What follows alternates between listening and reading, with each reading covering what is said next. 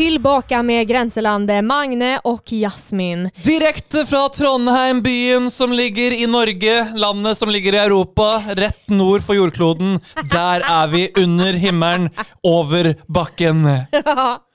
Jeg har tatt på meg min flyplanstrøye her i dag. Ja, altså, du kunne vært sånn Persher, eller du kunne vært et fly. Ja, eller hur? Alltså jag, jag känner mig lite grann som ett flygplan i den, eller kanske som en liten uh, fågel. Jeg syns du hadde vært en fin uh, fugl.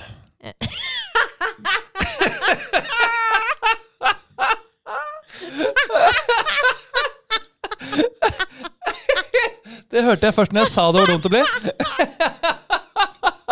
Fordi for eh, norske så betyr jo det en fin fugl. Fågel. altså. Fugl og fågel er jo det samme ordet, merkelig nok. Så du er finfugl, du. Du er altså helt ok. Du er ikke dritfin, du er ikke dritstygg. Du er finfugl. Du, Den låta tror jeg kan gjøre det godt i Nå har vi akkurat hatt eh, Melodifestivalen, altså Eurovision. Ja. Jeg tror neste år så skal jeg stille med bidraget Finfugl. Finfugl, det er ikke dumt altså. En dansebandlåt. Jeg tror den kommer til å gå cirka sånn her. Hvorfor spiller den ikke? Oh, hey. Å, Jasmin, du er finfugl når du går på buen, og du ser på deg selv som aldri før. Og du er finfugl, fugl Nei, det, vet du hva, det var dårlig. Jeg fikk panikk fordi eh, jeg så på deg, og så ble jeg sjarmert. Og så klarte jeg ikke å prosessere i det hele tatt. Åh. Ja, men, ja, det är inte lätt alltså. Jag, jag vet inte riktigt hur det känns, men, eh, Det är ikke gjensidig. Nei. men jag kan förstå att du känner så. Ja. Eh, ja, vi har pratat väldigt mycket och väldigt länge om eh, allt möjligt egentligen i de här avsnitten och i de här veckorna som vi har eh, suttit här i Trondheim. Det har vi gjort, og vi har egentlig bare prata om fornuftige ting og eh, gode ting som på en måte har eh, vist hvor intelligente vi er, og Ja. hvor mye vi har å bidra med til samfunnet. Ja men precis, Jeg tror at vi har eh, forandret verden på de her ukene ekstremt mye. Ja, eh, om, om ikke til det bedre, så har vi nok i hvert fall forandra noe til det verre. Ja, og det skal vi være stolte over. Det skal vi være stolte over. Og eh, jeg tenker det at kan man forandre noe i hvilken som helst retning, så er det en positiv ting. Så er det virkelig. Nei, men vi har jo pratet en del ändå om bransjen som vi jobber i, Ja. som er Vi eh, driver jo veldig mye med baking. baking. Ja. Ja, Nei da. Vi driver mye med, med Hva er det vi driver med, da? Altså, jeg har glemt hva jeg jobber med, Jasper, for jeg har ikke jobba på over et år. Nej, jag har också glömt. Men jag, du ser ut som att eh, du kanske är hantverkare. Jo da, takk, takk, takk. Jeg er jo en nevenyttig mann. Jeg er jo handyman. Og så byggmester Bob, gå og legg deg! Magne HM kommer inn døra her, altså. Det er liksom eh, sånn det bare er. Eh, nei, men altså, jeg har jo nå fått ny jobb. Jeg har blitt tekniker. Jeg driver både med lyd, bilde og prat samtidig, og jeg syns det går bra. Selv om eh, jeg vet ikke hvordan bildene ser ut. Det, der, ja. Nå har jeg gjort teknisk sjekk. Flott. Da vet jeg at alt fungerer. Alt er bra. Jeg, jeg kan jo også fortelle hvor god tekniker jeg er, fordi vi har akkurat spilt inn denne episoden her en gang før. Bare at vi spilte ikke inn. Nei, det var tyst. Så så god tekniker er jeg. Ja, så det yrket var ikke riktig det som jeg pratet om, utan jeg tenkte mer på at du eh, trudeluttar hele tiden. Jeg trudelutter og prudelflutter mye. Og det, der har jeg vært god, så lenge det gikk an. Nei, altså vi, For dere som er nye da, til podkasten Grenselandet med Magne og Jasmin, så er både jeg og Jasmin eh, artister. Det er vi, eller vi var det i alle fall. Ja, Vi har vært, og om vi kommer til å bli det igjen, det vil tiden vise. Ja, precis. Jeg tenkte fråga hvordan du kom inn i denne bransjen. Du, Det er egentlig litt spennende, fordi det er en sånn todelt eh, story. Okay. Eh, skal man gå helt tilbake i tid, så var jeg kanskje 14-15 og skulle bli konfirmant. Mhm. Og det her er den tiden du liksom prøver å finne deg sjæl. Hvem er du? Alle heter Magne. Hei, jeg heter Magne. Yo. Altså, hvilken, hvilken måte er du på, da? Hvem er du? Og så skal du da plutselig inn i et tensingkor, altså i en kirke, og synge. Og det er jo litt halleluja og litt Gud, og jeg merker fort at det er kanskje ikke helt min ting.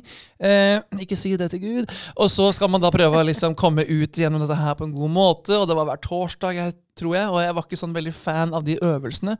Men i koret så står det en mann, og han heter PC. Er ikke det et deilig navn? He- heter hans fru Mac? Ja. Og barnet heter OS. iPhone. Kusinen heter da Ja. Sponset, er vi det? Niks. Vi vil bli det. Jepp. Så eh, han er bare en fantastisk fin fyr. Det er et sånt menneske som du håper at du har rundt deg når du er ungdom og litt usikker. Og en fyr som er litt eldre, som er flink, han ser deg, han er morsom, han tuller, han leker, har autoritet, men samtidig så har han også en, en stemme og en prakt som virkelig gjør at du blir inspirert og vil jobbe videre med dette her mennesket. Så skulle vi ha en konsert når vi kommer fram til da sommerhalvåret. Og da skal vi spille i stor konsert foran alle folkene som har kommet til kirka. Og så kommer da dirigenten min, Helga, bort for å spørre om, eh, om jeg ville gjøre en solo på en låt. Oi, oi, oi. Og jeg bare ja, jeg tror kanskje ikke det er meg du bør spørre. For jeg, da var man jo i stemmeskifte, man var kanskje ikke helt oppe å gå. Og man, ja, jeg, var, jeg, jeg, følte, jeg visste ikke at jeg kunne synge. da. Ikke helt oppe å gå. Jeg lærte meg å gå veldig sent. Så eh, jeg trillet da i min rullestol, eller min barnevogn, eh, fram til eh, da eh, Jeg krøp fram. Jeg, hadde, jeg var fortsatt veldig lang. Jeg var to meter lang, og så krøp jeg bortover. Det er veldig tungt å være liten barn av 15-åring, 14-åring, to meter lang og ikke kunne gå. Sånn var jeg. Og så sa jeg da der nennifra, jeg lå på gulvet, du, jeg tror kanskje ikke det passer helt meg, ass. For jeg, liksom ikke, jeg kan ikke synge, jeg, da. Men så sa hun at nei, men jeg hører at, det, at du er bra. liksom. Jeg hører at det, det er noe som skjer bak her i koret. Og jeg fikk denne soloen. De sa det var bra, jeg vet ikke, men det var i hvert fall første gang jeg sto på en scene og sang. Jeg gjorde DC Talk, et kristent popband fra Amerika, og gjorde In the Light. I wanna be in light as you are in the light. Egentlig en ganske kul låt. altså. Kristne poplåter. Aha. De har, på, de har noe å by på. Det er bare liksom Hallelujah in the face. Altså, det blir litt sånn eh, Ja. Så jeg hoppa Jeg var faktisk med i det Tensing-koret i mange mange år etter det også, men jeg ble liksom en del av den faste kjernen. Fram til at jeg ikke ble med lenger, og gikk inn og utdannet meg til å bli artist. Men før det så hadde jeg også vært på videregående skole, altså gymnaset, Ja. i Oslo, og ble med på Skolerevyen. Det var stas. Jaha, det. Og der fikk jeg bolter i meg. Da hadde jeg liksom begynt å lære meg å gå. Jeg hadde funnet min plass i samfunnet, jeg hadde funnet min plass liksom i humor. Äntligen! Og jeg ville bli revyskuespiller. Humorist. Det var det jeg ville bli. Kom inn der, come in there på scenen. Jeg ble veldig internasjonal nå. Og jeg var yngste mann som var med i den revyen det året. Og avisene kommer jo og skriver om Oslo-revyene. Og Bjerkerevyen det året, det var ganske bra, faktisk. Den het selvfølgelig Absolutt cirka tysk. Ok. God tittel. Og da navnet mitt begynte å komme på avisene, og jeg fikk til og med spille på Chateau Neuf for 2000 mennesker Kanskje ikke så mange. Vi, jeg fikk spille foran 10 000 mennesker på Chateau Neuf, og alle ropte navnet mitt og hadde posters med Nei, Da skjønte jeg det at eh, Og jeg har akkurat sagt i en annen podkast at jeg gjør ikke det her for å bli kjent. Men eh, da alle hadde masker med ansiktet mitt, i hvert fall, i da Chateau NF, og ropte navnet mitt og hylla meg og bar meg ut på kongestol etter det showet, så har jeg vært i bransjen siden. Og t-shirter med din, eh, ditt T-shirt. namn og Jeg ansikte. skrev så mye autografer den kvelden. På, gjorde det. på pupper og panner, og tatoverte det inn. Og, Rømper. å, ja, ja, ja. Så det, ja, du hadde du egen tatoveringsmaskin med deg. ja, ja, ja, ja, ja. Ja. Ja, så jeg mye sånne under lepper og sånt. Det er liksom, ja. Nei, så, så det har jo egentlig vært en eh, veldig standard vei. Altså, hva gjorde du? Skolerevy. eh, fikk smaken for det, og så har man på en måte Jeg fant veldig glede i show. Mm. Så det er det jeg har fulgt opp med. da. Men jeg tenker jo da for din del, Jasmin, du er jo, eh, for dem som ikke har forstått det ennå, svensk. Og eh, det bor ca. dobbelt så mange mennesker i Sverige. Og det er i hvert fall, om ikke mer, dobbelt så mange musikkutdannelser og mm. musikalutdannelser, teaterutdannelser i Sverige. Og dere har et ekstremt nivå. Altså Jeg har sett Hair på Stadsteateren i Stockholm, og jeg trodde at jeg var på Broadway. Det er et høyt, høyt nivå. Og hvordan er det for deg å være en ung jente, det er jo mange flere jenter også i bransjen, å komme inn i den bransjen i Sverige? Till att börja med så, eh, om du mener det nu fortfarande så er jeg veldig glad at du kallar meg ung. I, nei, det her var jo før, Jasmin. Ja, okay. du, tenkte på da. eh, ja, men jag tackar för att du uppmärksammar Du att jag var ung. fortsatt ung. Jasmin. Ja men tack, bra. Det var bara det jag ville höra. La meg være ung! Ja, så när jag, eh, nu ska vi se, jag började, ja, jag vet inte, det är också lite så här diffust när jag började och var, varför är också lite diffust. Men eh, det som verkligen tog mig in, förutom i skolan, så var jag med i skolrevyerna, jag var med på skolavslutningen och sjöng och ja, jag var överallt. Och sen efter skolan så hade jag lite flax. Jag gled in på ett banan... Flakset rundt med din uh, fugle. Ja, jag hade den här tröjan på mig faktiskt. Min fultröja. Finnfugl er du, Jasmin! Ja, så jag flög in på ett bananskal. Så mens jeg ikke hadde lært å gå, så fløy du allerede. Ja, Vi snälla, jag var så Ja. mycket före dig i tiden. jenter utvikler seg mye mer raskere enn menn. Vi gör ju det. Så att här gick det fort framåt. Det gikk fort, ja. Ja, så jag efter gymnasiet hörde av mig till, det fanns en, eh, ja vad ska jag säga, revykung eller han var, han var liksom stans eh, i Kalmar då bästa underhållare. Han hade egentligen allting som vi såg där, förutom de som kom utifrån. Men han var den lokala stora stjärnan liksom. Och han hörde jag av mig till och frågade, finns det kanske något jobb till mig i sommar i eran fars? Säger ni samma sak i Norge? Ja, farse. Farse? Men eh, vi vet jo at språk er forvirrende, og hvis man utelater et, en bokstav, så kan folk bli totalt forvirra. ja. Så derfor er det bra at jeg har oversatt fars til farse. Og nei, vi snakker ikke Ja. om kjøttfarse. Vi snakker om teaterfarse. Og vi snakker ikke om farsa som er ett eh, slang for pappa. Nei. Nei. Og hvis man ikke vet hva en farse er, f.eks. Den spanske flue er et godt eksempel på det. Den går jo Mhm. ofte på TV i julen. Regissert av flotte Runar Borge og er en klassiker med bl.a. Øyvind Blunk i hovedrollene.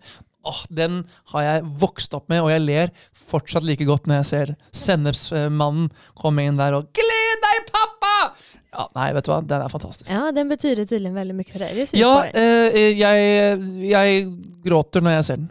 Ok. ja, men det er bra å vite. Da skal vi sette på den här Av latter, altså. Gråter av latter. Jaha, okay. Ja. Eh, så jag eh, frågade om det fanns plass for meg, og så sa han at ja, men vi har faktisk en liten roll her. Skulle du kunne komme og gjøre audition? Eh, jag gick dit och... Audition. audition, ja. Nu kommer det. Jag eh, gick dit och eh, träffade honom. Han höll på att bygga upp scenen och bygga sitt lilla näste som han hade där och spelade i. Och eh, så sa han att ja men det här är ju trevligt och så vidare och du får gärna träffa regissören när han kommer. Absolut, sa jag. Då jobbade jag efter gymnasiet, då, eh, kan jag ha varit 18-19 år. Då jobbade jag på en pizzeria. Då gick jag direkt efter det här mötet till pizzerian utan att ha fått några garantier på jobb på det andra stället så gick jag och sa upp mig. För jag kände att det här vill jag ändå inte vara. Så jag sa upp mig från pizzerian eh, och sen så gick jag och träffade Ingmar och regissören Reine Löv. Eh, Va? Och, va? Reine. Reine Ja. Löv. Han er ren, da. Han er en ren, ren, ren person. Och ett löv.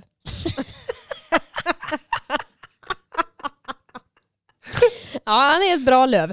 Ehm, så jag träffade dem och eh, det varför jag gjorde audition då med små eh, fingrar här i vädret är för att jag behövde aldrig visa någon talang eller kunskap kring detta utan vi pratade och hade trevligt och så sa de att hur ser det ut i sommar, är du ledig? Och jag sa jag har precis sagt upp mig.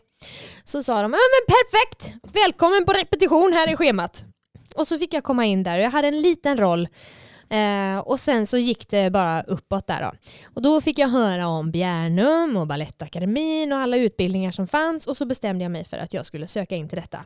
Och sen så har jag liksom mm, gått de här utbildningarna, kommit hem till Kalmar, spelat där och eh, sen blev det Balettakademin och sen har det bara rullat på helt enkelt. Så det, det är väl min historia hur jag kom in i den här branschen. Det fanns ett intresse, det fanns inte så mycket intresse för annat så att eh, det var ganske selvklart for min del at jeg skulle inn i dette. Fantastisk. Ja. Men når du er inne på audition, har du noen audition som du har gjort som du er enten fornøyd med, eller som du tenker at hva i all verden var det jeg drev med her? altså, det har jo blivit et antal audition gjennom årene. Jeg jag har vel et stolt øyeblikk eh, jeg... jag eh, gjorde audition for eh, Bjørn og Benny. Altså ABBA ABBA, Björn och Benny. Ja. Jag tog mig med min mamma till Finland. Hon följde med mig och skulle gå på den här audition. Till eh, Kristina från Duvemåla. Oi, fantastisk. Så- Kan du ikke gi oss en smakebit på Du måste finnas? Nej. Eh, så då eh, åkte jag dit och var sjösjuk hela vägen dit. Och eh, kom till den här audition och sjöng Inte jag från Chess. Ja. Eh, och de har ju också då skrivit och komponerat den här eh, låten.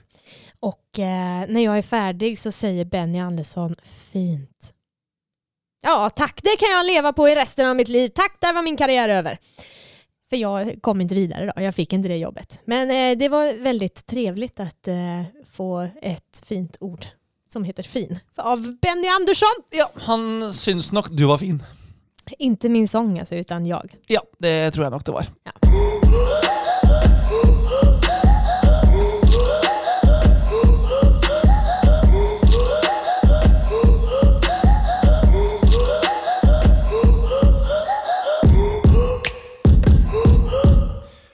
Har du någon crazy audition? Jeg har vel noen crazy audition, ja. Det vil jeg påstå å si.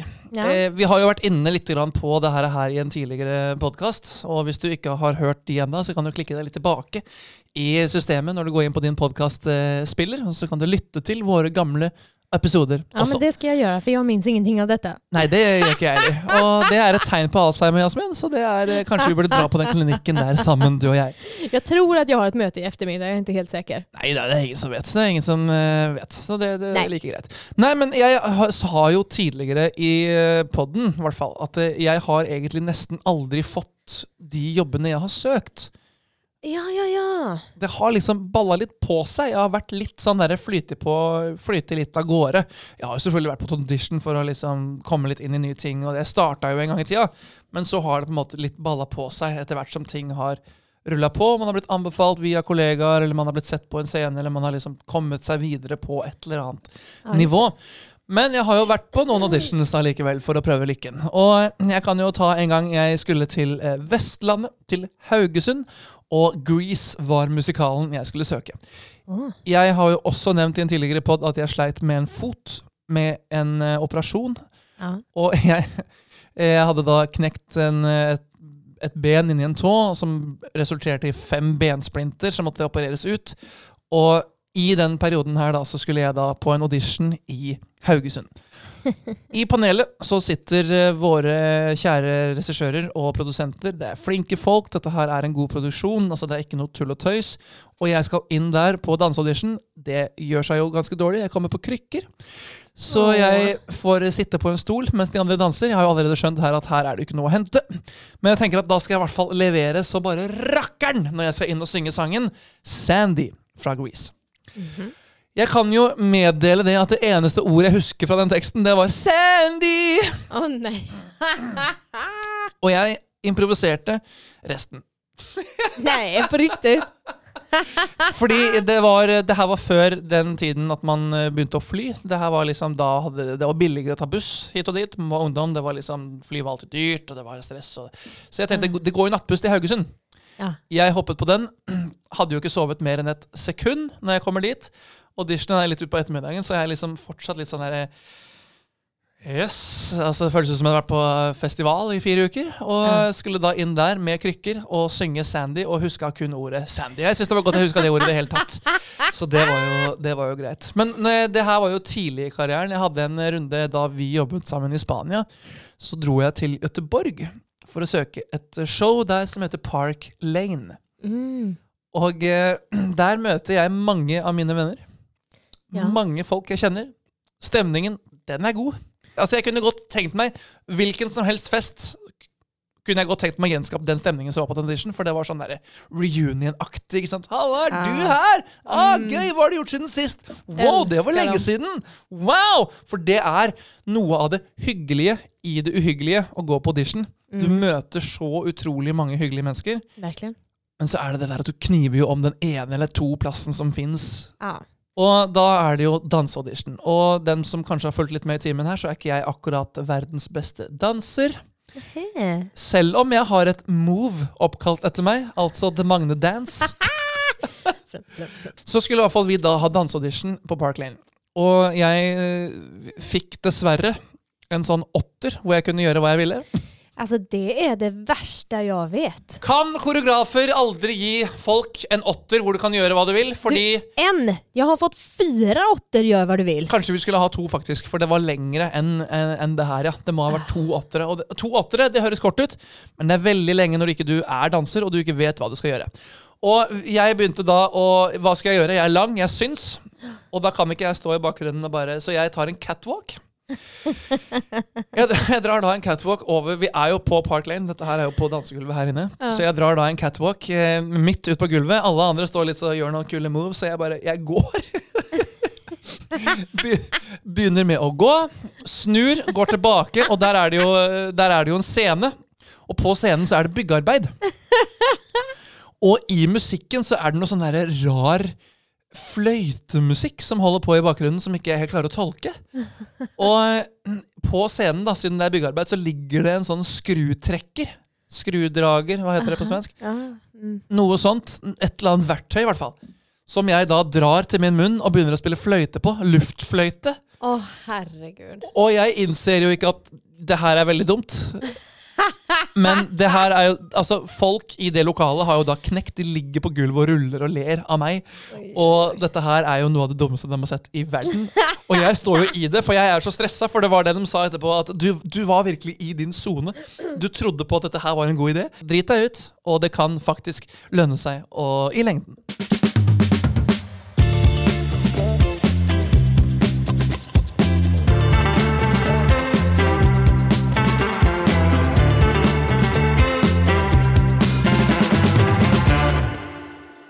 Ja, alltså jag vet inte riktigt hur jag ska eh, tolka den här situationen för att eh, som du säger, alltså, man blir ju ihågkommen av olika anledningar. Antingen är det någon som bara wow vad duktig den här personen är. Eller så här, oj det där glömmer jag aldrig. Och eh, jag har en känsla av att det där var ett sånt ögonblick. Jag hade väldigt gärna sett det. Ja, nei, jeg har jo fortsatt eh, noen som syns det der er gøy å ta opp eh, når man ser dem. Men har du gjort noen bemerkelsesverdige øyeblikk som du enten har vært god på, eller som du tenker at der dreit jeg på draget? Ja, altså jeg har jo berettet tidligere om når jag eh, slet av mitt ledband i kneet på en audition. Eh, det kan jeg jo tykke att eh, det er absolut minnesverdt. Og det var sikkert ikke godt. Nej, men jeg jag blev ju ihågkommen också för det. Så att eh, det är ju på gott och ont. Ja. Men har du ramla noe på noen scener? Har du kasta noen mikrofoner på publikum? Har du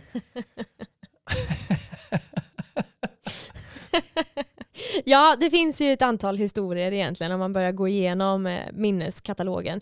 Nu var vi ju inne här på alldeles nyss att jag har Alzheimer så det står lite still. Men eh, jag vet ju till exempel att det här var inte audition då, men under en föreställning så eh, eh, står jag eh, med en hel grupp. Du var också på scenen faktiskt. Oh ja. Ja.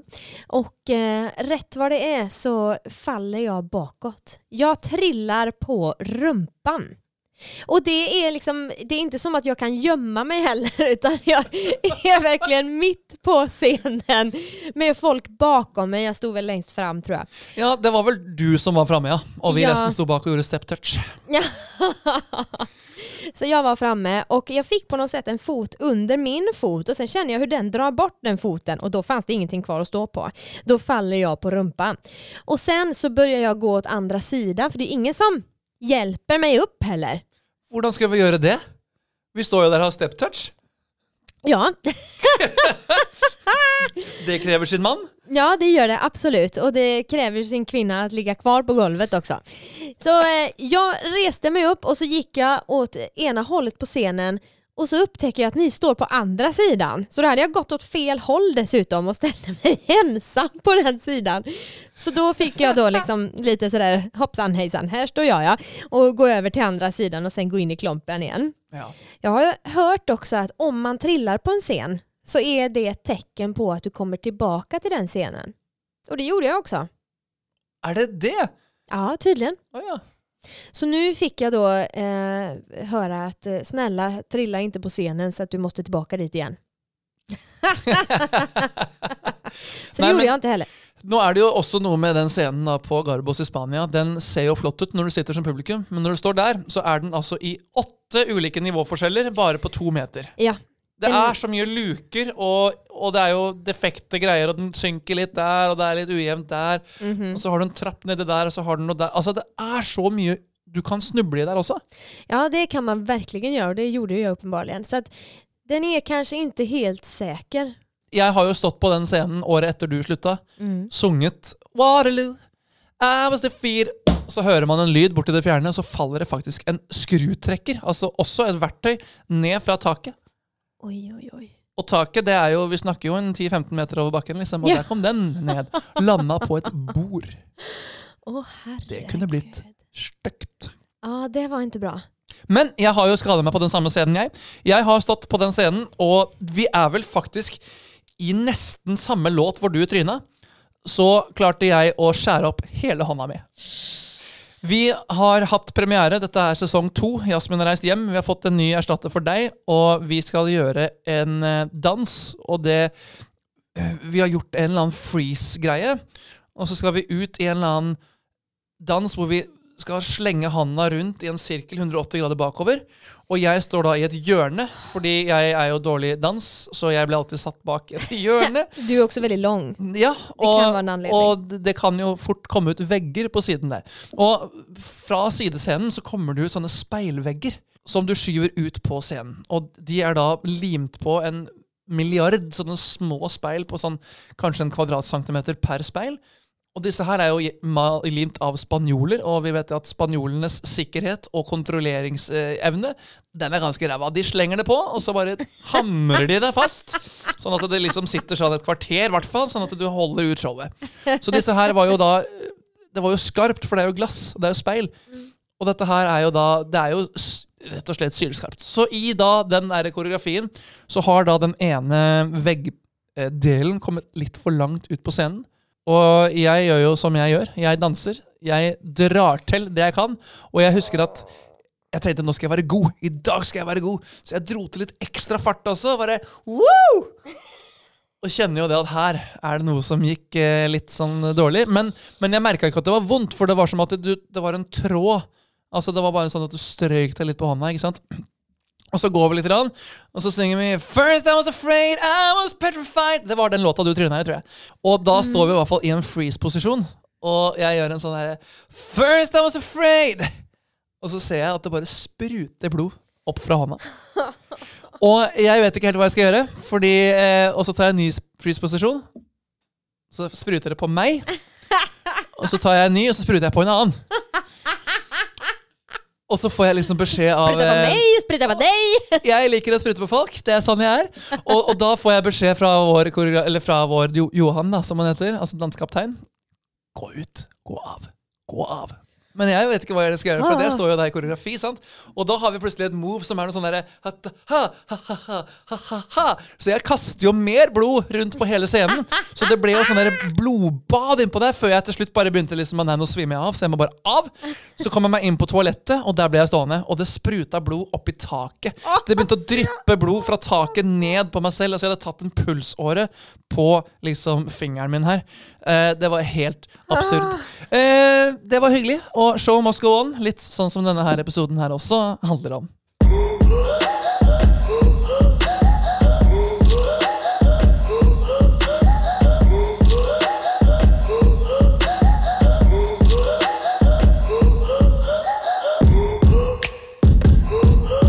Men om du tror at det er den eneste gangen jeg skada meg på scenen, så må du tro feil. Du, jeg tror deg faktiskt. Jag ser det här framför mig, även om jag inte har sett det. Ja, men jag tänkte faktiskt på eh, vad som kan gå fel. Nu var det här kanske inte det mest eh, seriösa jobbet, men jag jobbade på Lisebergs spökhus. Liseberg. Ja, jag älskar Liseberg. Åh, jeg skal ha en kjæreste jeg i framtiden som heter Lise Berg. Og vi skal ha det så gøy. Hver dag skal være morsom. Vi skal ha popkorn. Det skal være musikk. Det skal være kaniner. oppturer, nedturer. Det skal gå fort. Det skal gå sakte. Det skal være hyggelig. Det skal være skummelt. Lise Berg, Magne Håheim, blir ett lyckligt par. Nej men jag jobbade som eh, spöke då på ett hotell. När det är halloween på Liseberg så eh, Du är typecastad för spökelse. det var rumpan de såg också. de bara, ja men det här passar bra ser du, du är vit, likvit. Eh, så att, och jag gjorde audition till den här också, vilket var väldigt märkligt. Eh, Gick du men- då sån... Nej, men nästan. jag fick gå in i ett rum inne på gasten. Jag har gått gasten eh, en eller två gånger. Och gasten är här spökelseshuset i Liseberg, Ja, sant? precis. Det är Ja. det som alltid är öppet. Ja. Eh, Spökhotellet. Mm. Och när jag gick det här så var vi några kompisar. Niklas gick före mig och jag höll i honom. Och sen hade jag Hanna och så några fler bakom mig. Rätt vad det är så trillade det ner någonting så från i en dörr liksom. Så att hon släpper mig. Och Niklas fortsätter gå. Och så tänker jag okej, jag har hört att det är värst att gå först eller sist. Stannar jag med Niklas, då är jag sist. Går jag tillbaka till Hanna, då är jag först. Så det var ju bara pest eller kolera. Absolut, jag, stod, jag går kvar med Niklas här. Och så höll jag tag i honom krampaktigt i tröjan. Och sen så kommer det spöken och allt möjligt. Och på slutet då när vi kommer ut och är på väg ut så blir det mörkt. Och då är, kommer det folk precis vid sidan av oss här. Och Niklas börjar springa. Och jag måste ju ha honom nära. Så jag slet sönder hans tröja. Ja, alltså fruktansvärt. Jag kommer aldrig mer gå gasten. Och då när jag var där och skulle göra audition, då öppnade de upp gasten. Och naturligtvis, det är ju bara ett rum liksom. Eller så här, det är inget konstigt alls egentligen, men för mig är det skräck. Så jag kommer in i ett rum fullt med spindlar. Och Edderkopper? Ja. Edderkoppor ja. Och jag är så rädd för spindlar. Och de var stora så här, på väggarna överallt. Och där inne skulle jag skrämmas på audition. Ah. Så jag går och gömmer mig lite där och springer runt och skrämmer de här och tänker tack gode gud nu är det färdigt. Eh, sen fick jag då jobb och då hamnar jag, då blev jag kastad som barn. Det kan man ju bara ta som en komplimang tänker jag. Så jag hamnade i barnspökhuset. Eh, For en jobb å skremme små barn! Hva jobber du med? Nei, jeg skremmer livsskitten ut av småbarn, jeg. Å, er du fire år? Blæh! Det var faktisk åldersgräns på i alla fall 11 tror jag. Men okay. jag skulle då vara ett barn. Så jag hadde hade massa sår. Ja, du var et barn, ja. ja, jag vet att jag är svensk och att det är svårt att förstå ibland. Men jag var ett barn. Jeg tenkte at du liksom Du skulle skremme alle de minste barna. Ja, Liksom. det hade också varit en komplimang. Men framförallt var det en större komplimang att jag fick vara barn. Hva med barn? ja. Jag fick alltså vara ett litet barn uppe på vinden. Där skulle vi vara barn som var fast. Og vinden er jo da loftet. Ja, precis. Så där uppe var jag. För det första är jag fortfarande livrädd för att gå in på min arbetsplats. Så att jag blev visad runt där inne. Jag jobbade ute också. Eh, kom jag på nu. Jag var faktiskt inte först och främst på vinden. Men eh, jag fick i alla fall komma in på vinden. Så alla andra hade börjat redan. De visste vad allting skulle vara och så vad vi skulle vara. Och så fick jag också komma in på vinden som ett litet barn. Eh, det är bara det att när man kommer in där först vi var tvungna att gå bakvägen och sen så fick man gå igenom små dörrar för att komma in till rätt rum där du skulle vara och skrämmas. Och när jag går in genom bakdörren, där är det som mörkast alltså. Och det tar en liten stund. Alltså har man upplevt det någon gång, helgvän. Har man upplevt det någon gång så vet du kanske att när du släcker lampan så blir det becksvart och sen tar det en liten stund för ögonen att vänja sig och sen börjar man se lite grann. Eh, Så jag kommer in där i det här rummet och där är sista rummet där gästerna går ut. Och jag ser ingenting. Det är helt becksvart och mina ögon vänjer sig inte. Det tog tid liksom. Jag kunde inte ens navigera mig så jag visste var väggen var eller någonting. Så vad gör jag då? För det kommer gäster. Så jag fick bara ställa mig på plats och stod där och grymta lite. För jag såg ingenting. Spökbarnet var blint helt plötsligt. Och i helt fel rum. Och säkert mitt i rummet också. Ja vel. Så da er det altså ta bort skrekken for alle som er redd for spøkelseshus. Der står det bare en liten jente som selv er redd for å være med på dette her. Og hun heter Jasmin og er mest redd av alle i spøkelseshuset.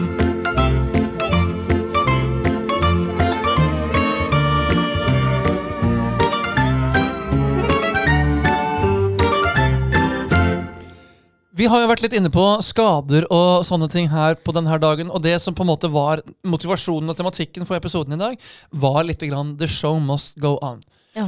Fordi vi er i en bransje som eh, Hvis ikke du vil gjøre jobben din, så har vi alltid mange som vil ta jobben over for deg hvis du ikke kommer og gjør det. det. du skal. Og blir du skada, så må man bare løse det. Mm. For eksempel etter at jeg hadde tatt hånda mi på Garbos, så sto jeg og sang så, låtene mine i svarte klær og bare kom inn der med fatle og sto og sang. Veldig kult å komme inn og synge rock and roll i Queen, liksom. Yeah! Og står det der liksom med hånda og hvile på deg selv. Og så er det jo sånn, hvis du blir mer skada, så kan det jo hende at du faktisk må slutte i jobben, eller at du må faktisk løse noe helt annet. Mm. Og jeg hadde eh, panikk i 2015. Eh, da skulle jeg eh, Da jobbet jeg i Hellas, Grekland, på et deilig, vakkert hotell i Samos. Paradisøy. Det er ikke så mange mennesker der. Det er, det er 3000 katter som bor der, og det er gyros, og det er Åh, det er bare topp stemning. Og inga mennesker. Veldig lite mennesker. Det var et nydelig lite amfiteater, og det var ofte tomt. Men i høysesongen så var det Nei, vi hadde, vi hadde masse katter som hadde hørt på oss. Nei, vet du hva? Samos det er et paradis på jord. Det må jeg bare si. Og jeg jobbet der nede, og vi var jo ekstremt mye på lokalpuben. Den het Gregory's.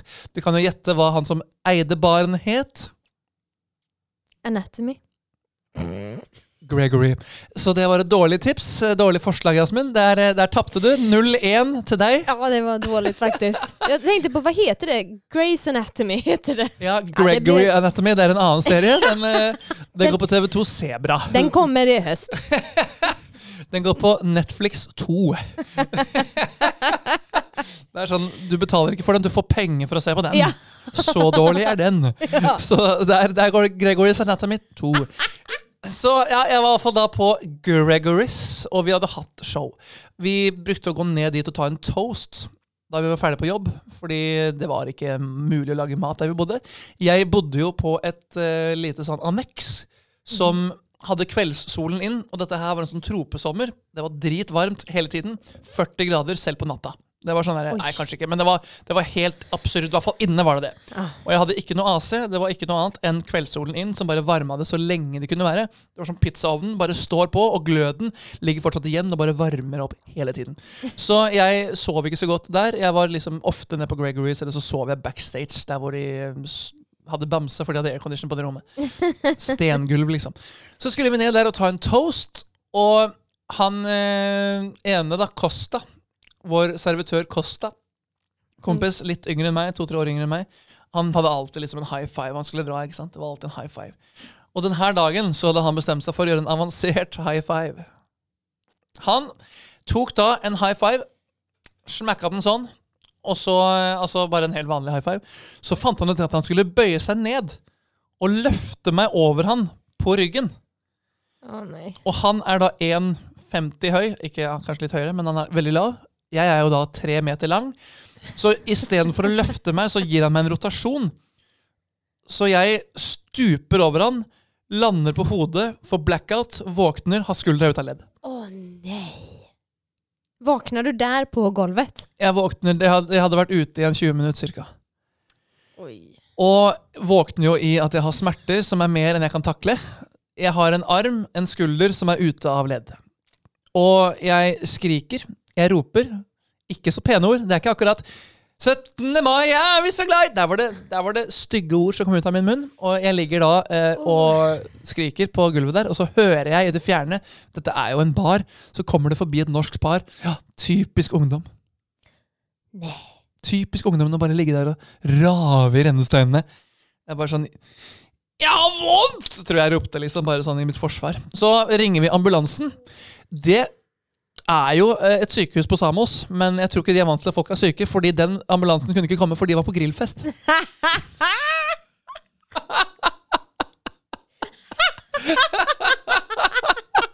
eh, akkurat som da jeg skulle ringe taxi. Han sa bare 'jeg skal bare drikke opp ølen først', så kommer jeg. Han hadde drukket mer enn øl, for å si det sånn. Men vi fikk da ikke tak i ambulanse, men vi fikk tak i en militærvogn.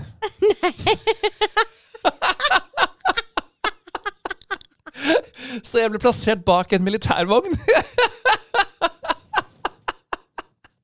og kjørt til sykehuset.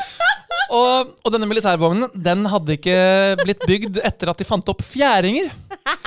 Så dette her var stål mot stål, og det var så hardt. Og veiene på Samos, for dere som har vært der, dere vet at det er ikke veier. Det er hull. Det er mer hull enn det er vei. Og de kjører jo fortsatt i 300 km i timen, så det går fort. Og altså, jeg, hadde mer, altså, jeg er sikker på det at den, den turen der skada meg like mye som jeg allerede hadde vært skada. Hjernerystelse og, og det her, her skulderen som var ute, det, det, var, det, var, ubehagelig. Hver dump var ubehagelig, og de 40 minuttene føltes ut som 40 timer. Kommer da inn på sjukehuset, og der er det ikke folk. Ingen personal, eller? Niks. Til slutt så kommer det ut ei dame som er like tjukk som hun er høy. Og hun skal da begynne å stikke intravenøst på meg. Så sa jeg men faen, jeg skal jo ikke ha noe intravenøst. Jeg skal jo bare få denne skuldra på plass, for jeg har hatt den ut av ledd før. Det er liksom bare å smekke den tilbake, liksom. Uh -huh. Men det klarte jeg ikke. For jeg, altså, det, det, klarte ikke hun heller. Hva er hun, intravenøs? Drøpp. Dropp. Aha, ok, takk. Altså, så du får ting intravenøst. Mm. jeg ville bare redde ut det. Ja. ja. Akkurat som at Gregory er Grace Anatomy. eh, så fikk jeg da eh, Altså, hun skulle da Altså, jeg har ikke, jeg har ikke vært med Altså, hadde jeg skulle jeg skrevet en sketsj, skulle jeg gjort humor av det her, så hadde jeg ikke engang tegna inn så store nåler som hun skulle sette i armen min. Altså, de var det var som å ta et rør, et avløpsrør, Nei. som hun skulle stappe inn i handa mi her. Og, og, hun skulle da Hun hadde jo briller også, det var gøy. Brillene hennes var jo så tjukke sånn at hun, hennes øyne ble så store. Når hun så på meg, så så jeg bare to sånne ugleøyne. Og så røret så stort. så når hun skulle da sette den intravenøsen på meg, så traff hun jo ikke blodåra. Og jeg har ekstremt tydelig blodåre her, men hun klarte ikke å treffe den. Så etter hvert så gjorde det mer vondt i armen her hun skulle stikke, enn hva jeg hadde smerte i skulderen. Så jeg sa bare stopp, stopp, stopp, stopp. stopp. Og jeg ville jo bare komme meg vekk derifra, for hun kunne ikke hjelpe meg. Jeg sa det at jeg tar bare første fly hjem til Norge. Det går i morgen tidlig. Da fikk ikke jeg lov å forlate sykehuset. Oi. For da var jeg en sak for det greske mm, sykegreiene. Jeg fikk beskjed at jeg måtte vente til i morgen, så jeg fikk da en ubehagelig seng. Den var sikkert laget av metall, og den måtte jeg ligge på og sove på. Og neste morgen så kommer det samme dama og skal begynne å prøve å stikke hull på meg igjen. Jeg sa det er ikke, det er ikke sprøyter jeg trenger. Jeg skal fikse skulderen min, som er gått av. Og jeg har den fortsatt av. Det gjør fortsatt dritvondt.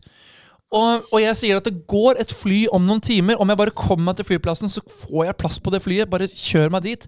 Men jeg fikk fortsatt ikke lov, for det var forsikringer og drit og vesen de måtte få. Mm. Så jeg misser flyet. Eh, på kvelden så kommer da denne Gregory forbi. Han syns jo veldig synd på meg, og vi er jo gode venner, så han kom jo dit, og han prata fornuft med disse her sykefolka på sykehuset. Og så ba han dem liksom gå ut av rommet, og så sier han run. Vi løper ut, vi rømmer fra sykehuset i Hellas. Han kjører meg tilbake til leiligheten min. Neste morgen så flyr jeg København Nei, flyr jeg fra Samos til Aten, fra Aten til København, fra København til Oslo, inn til Oslo. Istedenfor at jeg kunne tatt det flyet dagen før, som gikk direkte på 3 12 timer. Så brukte jeg 14 timer til Oslo, og jeg hadde så vondt. Og når jeg kommer til legevakten, så er klokken sånn ett på natta. Fordi jeg har jo brukt hele dagen på fly. Og når jeg kommer til legevakten i Oslo, så får jeg beskjed om at beklager, vi har ikke den kompetansen på huset her og nå. Da var jeg sint. Det er ikke mulig. Så får jeg beskjed om å komme tilbake neste morgen. Og når jeg kommer til legen, så spør han det første han spør om Hvorfor har du ikke kommet før? jeg har prøvd! Jeg ropte så høyt. Jeg, var, jeg, altså jeg hadde så smerter. Altså, da hadde jeg hatt det her i tre døgn. Tre døgn hadde jeg hatt de smertene her. Og når han da river tilbake uh, skulderen, så kan han ikke gjøre det, fordi at det har jo begynt å gro. Sånn at uh, han måtte rive den opp igjen. For å så dra den på plass. Åh. Det var deilig. Så dro jeg tilbake til Hellas, og det var jo egentlig det altså ja, Da hadde jeg jo veldig store smerter, og jeg fikk jo ikke vært med å danse. Så det kjente jeg jo litt på. Det var min første profesjonelle jobb utenlands.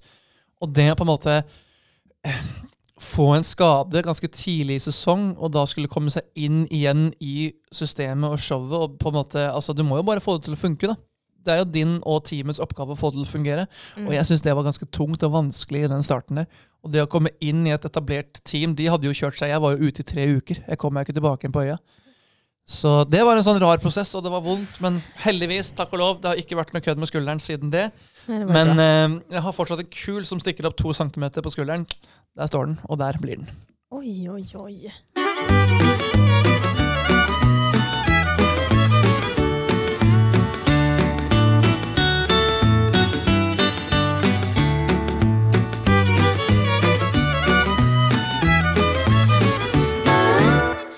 Right, nu har vi fått höra väldigt mycket show must go on.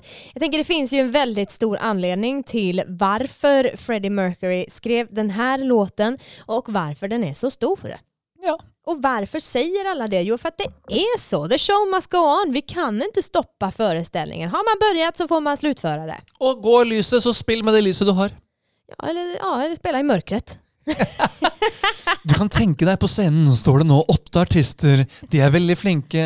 Tenk deg at de er gode på dans. Ja, exakt. Man får bare visualisere helt enkelt hva det er som hender. Mm. Jeg skal bare ta en til innan vi eh, krigar her i slutändan. At, eh, det er også veldig jobbigt å vara eh, allergisk. Jeg er da allergisk mot eh, alle pelsdyr. Jeg er allergisk mot eh, i stort sett alle pollen. Så att sommaren är väldigt, väldigt jobbig och eh, det här med att vi ska vara ute nu för att ha kul och leka. Nej, nej, nej, nej. Jag stannar gärna inne för då slipper jag klia mig i ögonen och slipper rinn i näsa och så vidare. Då är det ganska jobbigt också när man spelar utomhusteater varenda sommar i hela ens liv. Det är inte lätt alltså. Så eh, jag spelade till exempel eh, Pippi Långstrump en sommar. Jag fick körtelfeber och eh, hela livet vändes upp och ner, men det är en annan historia. Ja, tack, det var verkligen eh, flopp på den. Ehm, men eh, när vi gjorde själva promotion för Pippi så var jag Pippi på Skällby som är en liten djurpark i Kalmar. Och de ville att jag skulle rida på en häst, för Pippi har ju en häst naturligtvis. Så de ville att jag skulle gå med den här hästen. Det är bara det att jag är fruktansvärt allergisk. Eh, alltså det går ju inte. Ska man ha en Pippi som är liksom allergisk mot både apan och hästen? Her kommer Pippi Langstrøm, tjula, atjo, bleire, hoppsasa. Her kommer Pippi Langstrøm, nu går jeg faktisk hem. Ja, det är inte speciellt lyckat. Så att eh, vi hade en eh, fejkhäst, det hade vi nog tänkt att ha i alla fall, och en fejkapa och det hade vi nog tänkt ha i alla fall. Så att jag var ju safe resten av sommaren, förutom då att jag inte tål gräset som är på marken. Men eh, sen spelade vi också eh, Emil i Lönneberga. Jag spelade Lina som ska hoppa ner från taket för att dra ut sin tand och landa i hö. Jag är fruktansvärt allergisk mot hö.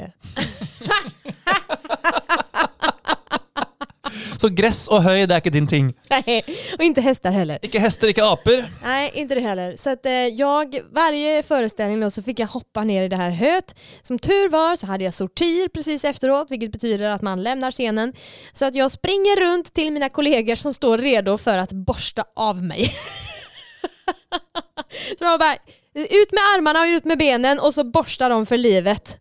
Så att jag skulle slippa uppleva någon Tickli, tickli, tickli, tickli. Hösnuva heter det va? Oh, ja, det er bra ord. Hösnuva ja. där ja. Mm, det är precis det jag har. ja. Så att det är inte lätt att vara allergisk heller. Det finns mycket som kan ställa till det för oss eh, som utsätts för allt det här. Ja. Mm. Og det er med det så er vi kommet til eh, veis ende på dagens podkast. Vi yeah. er eh, Grenselandet med Magne og Jasmin, og som dere vet, så har jo vi hatt en krig hver eneste episode. Og da stiller vi opp med hver vår stridsvogn og skyter på hverandre. Og satser på at vi klarer å bombardere den andre så godt det går med krutt, kanoner og kuler. Med andre ord, velg et kort. Og jeg har vunnet to av gangene. Du har vunnet de fleste, men vi har spilt en del uavgjort også. Nå skal vi se hvem som stikker av med seieren. Er det Norge, eller er det Sverige? Det er så spennende. Oi, oi, oi! han går hele veien åt andre hållet. Ok. Jasmin, er du klar? Eh, ja, nå er jeg klar. Oi, oi, oi, oi, oi, oi, oi, oi, oi, oi, oi. Nu är det riktigt, riktigt spännande här. The it is... Jag drog S! -et. Det är det första vi har haft som är högre än en knäckt. S slår en sju. Ja, det slår faktiskt sjuan. Det slår en sju. Jeg fikk sju, du vant. Det är nu du skulle sagt att S är ett. S er ett. Nej, det är för sent. Det är, Og med det takker vi for oss. Tusen takk for at du hører på podkasten Grenselandet. Vi heter Magne og Jasmin, og vi setter pris på at du hører på oss. Du er faktisk vår aller beste venn. Visste du det? Det er du. Oh, takk. Du finner oss på Facebook, Instagram og eh, adressen vår. Der bor vi, og der kan du komme hjem på besøk når som helst. Vi er alltid hjemme, fordi vi sitter i grenseland der alt går an, og fem og to er ni. Ha det godt! Mailadressen vår, Jasmin, den er Den er grenselandetpodkast at gmail.com. dot com.